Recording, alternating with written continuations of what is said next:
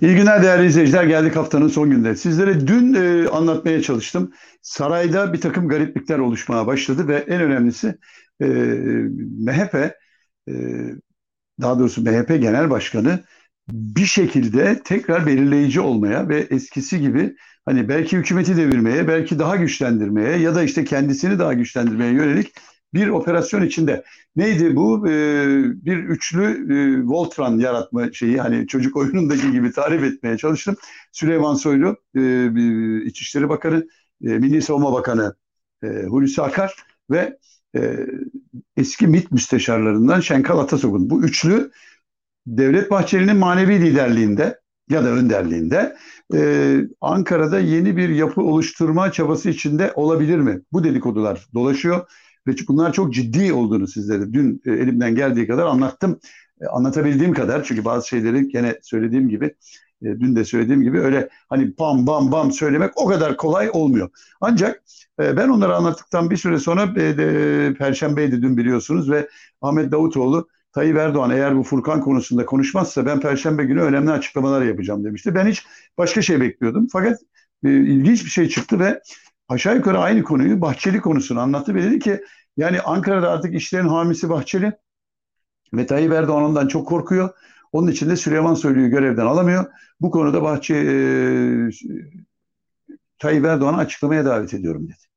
Yani onun da açıkça söylediği Bahçeli bir şekilde durumu kontrol altında tutuyor ve e, onun koyduğu takoz yüzünden de Tayyip Erdoğan bazı işleri yapamıyor. Mesela Süleyman Soylu'yu görevden alamıyor ya da belki e, hükümette ya da kabinede diyorlar ya e, kendi bakan adı altındaki memurları arasında değişiklik de yapamıyor bu nedenle. Çünkü korkuyor Bahçeli bir şey yapacak diye. Efendim bu olası mı? Evet olası.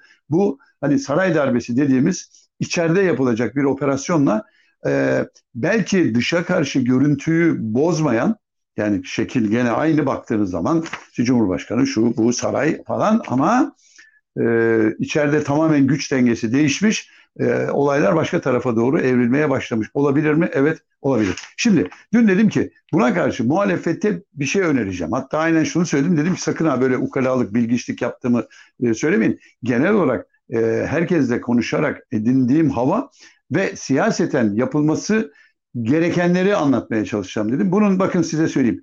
Tek kelime şu anda erken seçim için yoğun bir şekilde bastırmanın tam zamanı. Bakın daha önce biraz e, şey duruyordum. Yani Tayyip Erdoğan bir baskın seçim yapar. Tayyip Erdoğan bir kendine göre şartları oluşturup gider. Aman muhalefet buna hazırlıklı olsun diyordum. Ve hatta muhalefetin erken seçim çağrısı yapmamasını da kendimce tavsiye etmeye çalışıyordum. Çünkü diyordum ki e, Erdoğan giderek sıkışıyor. Yani bu sıkışıklıktan onu da kurtarmayın. Fakat şu anda gelinen noktada hakikaten Türkiye'nin önünde seçenek kalmıyor. Bakın bütün kaynaklarımız yok oluyor. Olağanüstü bir dış borç yükü altındayız ve toplum göya büyük eserler veriliyor adı altında bütün Türkiye'de yaşayan herkes, her vatandaş ağır bir borç yükü altına sokuluyor. Ağır bir pahalılık, ağır bir geçim sıkıntısı başladı. Artık AKP'nin karelerinden bile isyanlar yükseliyor. Kuyruklar aldı başını gitti bugün AKP'nin başta e, genel başkanı olmak üzere geçmişe yönelik söylediği karalama edebiyatı olarak nitelendireceğimiz ne kadar suçlama varsa hepsi şu anda başına geliyor. Yağ kuyrukları, efendim ekmek kuyrukları, ekmek kuyrukları, süt kuyrukları e, hepsi oluştu tekrar ve bunlar bu sefer e, yokluktan değil yoksulluktan kaynaklanıyor. Yani o e, AKP Genel Başkanı'nın en çok söylediği efendim kuyruklara muhtaç etmişlerdi. Gaz için kuyruğa giriyorduk, yağ için kuyruğa giriyorduk ki sorunla bugünkü aynı değil. O zamanki sorun açık ve netti. Türkiye özellikle Amerikan ambargosu altında e, çok ciddi bir sıkıntı yaşıyordu. Artı genel ekonomi düzende bozulduğu için mal yoktu. Yani gaz olmadığı için kuyruktaydık. Tüp gaz olmadığı için kuyruktaydık. Efendim pil olmadığı için kuyruktaydık. Ampul olmadığı için kuyruktaydık. Ama şimdi öyle değil. Her şey bol, her şey var. Fakat insanlar yine kuyrukta çünkü bu sefer ucuz alma kuyruğunda. Eti daha ucuz alma, yağ daha ucuz alma. Efendim e, sütü daha ucuz almak için, ekmeği daha ucuz almak için kuyrukta. Çok farklı bir şey. Tayyip Erdoğan'ın çok övündüğü mal var. Evet mal var ama stagflasyon yüzünden mal var. Yani e, piyasada mal var, fiyatı da her gün artıyor ama insanların alım gücü öyle düştü ki buna rağmen hiçbir şekilde alamıyor. İşte sıkıntı bu. O halde e, Türkiye'nin de önünün açılması ve e, bu iktidarın değişmesi halinde iktidara geleceklerin daha rahat edebilmeleri, en azından çok ağır bir enkaz devralmamaları için Türkiye'yi bir an önce seçime götürmeleri gerekiyor. Bakın şartlar tam oluştu. Neden? İktidar bir kere şu anda panik içinde. İki, içeride ve dışarıda çok yoğun baskı altında. Onun için karar vermede de sıkıntı çekiyor. İşte görüyorsunuz abuk sabuk işler yapılıyor. Şimdi işte en son Brüksel toplantısında gördüğünüz herhalde saray medyasının e, doğal olarak zaten hepsi hepsi 15-20 kişi olan e, NATO liderleri elbette ki o toplantılar içinde bir şekilde koridorda geçerken ya da efendim fotoğraf çekilirken yan yana gelecekler. İşte o yan yana gelmeden bile işte Sayın Cumhurbaşkanımız Amerikan Başkanı'yla ayaküstü sohbet etti falan gibi etmedi kardeşim. Çünkü neden? O sırada zaten yanlarında kimse yok. Yani tercüme edecek kimse yok. Fotoğraf çekilmeye doğru gidilirken yolda karşılaşıyorsun. How are you? Fine, thank you and you'dun dışında bir sohbet etme imkanı yok. Ha bunu çok böyle küçümseyerek falan söylemek istemiyorum.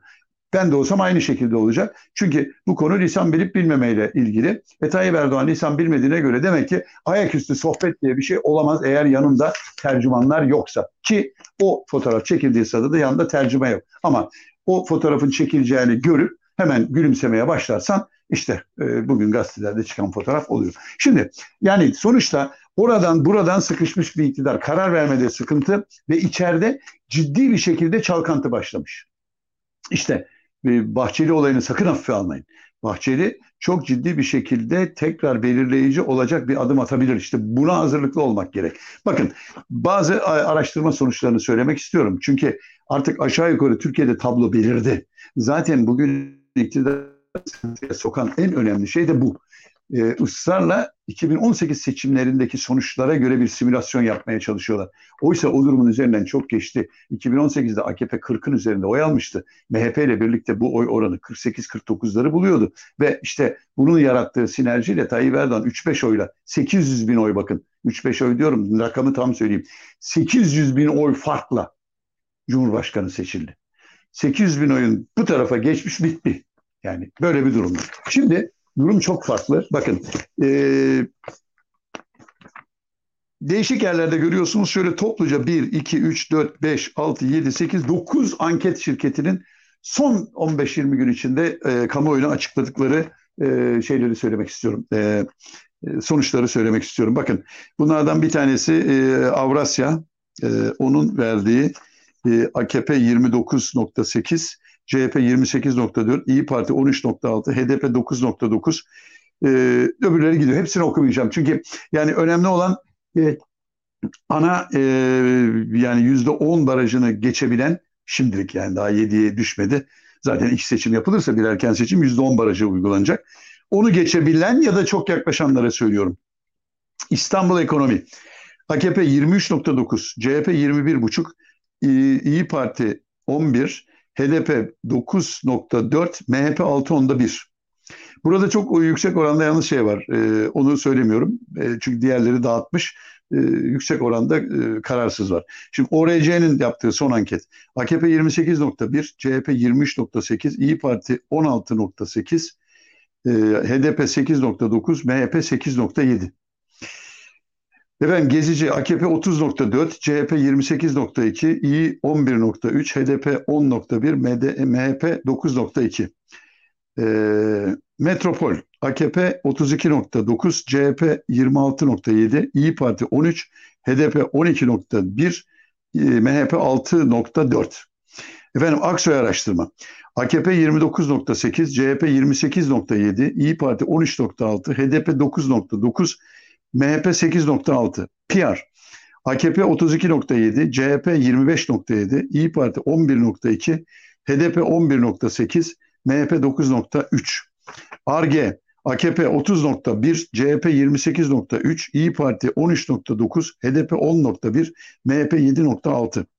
ASAL, AKP 34.5, CHP 26.1, İyi Parti 12.3, HDP 10.4, MHP 8.6. Şimdi bakın burada ortak bir şey görüyorsunuz.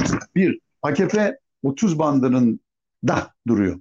Yani en saraya yakın AKP'li anket bile 34'ü vermiş. Yani 38, 40 falan diyebilen zaten yok. MHP'yi normal barajın üzerine geçirebilen hiçbir anket yok. Bakın şurada bakıyorum.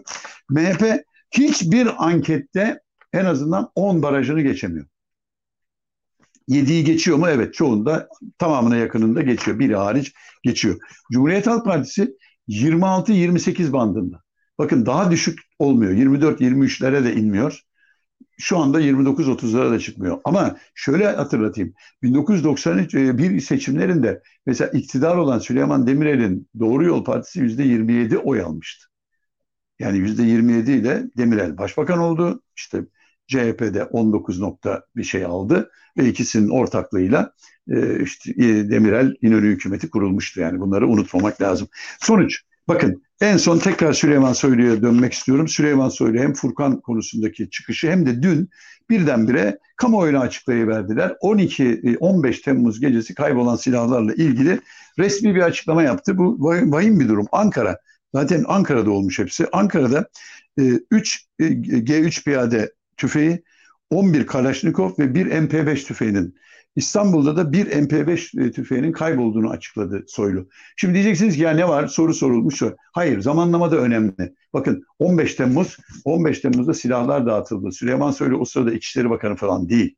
Süleyman Soylu o zaman başka bir bakandı. Tam şu anda neydi? Evet e, yanlış bir şey de söylemeyeyim. Ama İçişleri Bakanı olan zat e, Ala o sırada e, dedikodulara göre yurt dışına çıkmıştı. Havada dolaşıyordu Gürcistan sınırlarında diye dedikodu yapılır. Yani e, hepsini bir araya koyduğunuz zaman garip bir şey oluyor. Ankara'da muhalefet bütün yoğunluğuyla bırak yeni seçim yasasını filan yüklenmeli ve erken seçim çağrısını yapmalı. Çünkü iktidarın artık dayanacak gücü. Mecburlar yapmaya.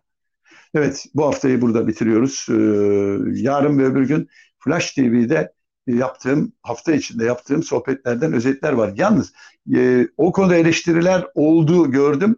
Yarın lütfen dinlerseniz orada e, Flash TV'nin neden yayınladığımı daha ayrıntılı anlatacağım.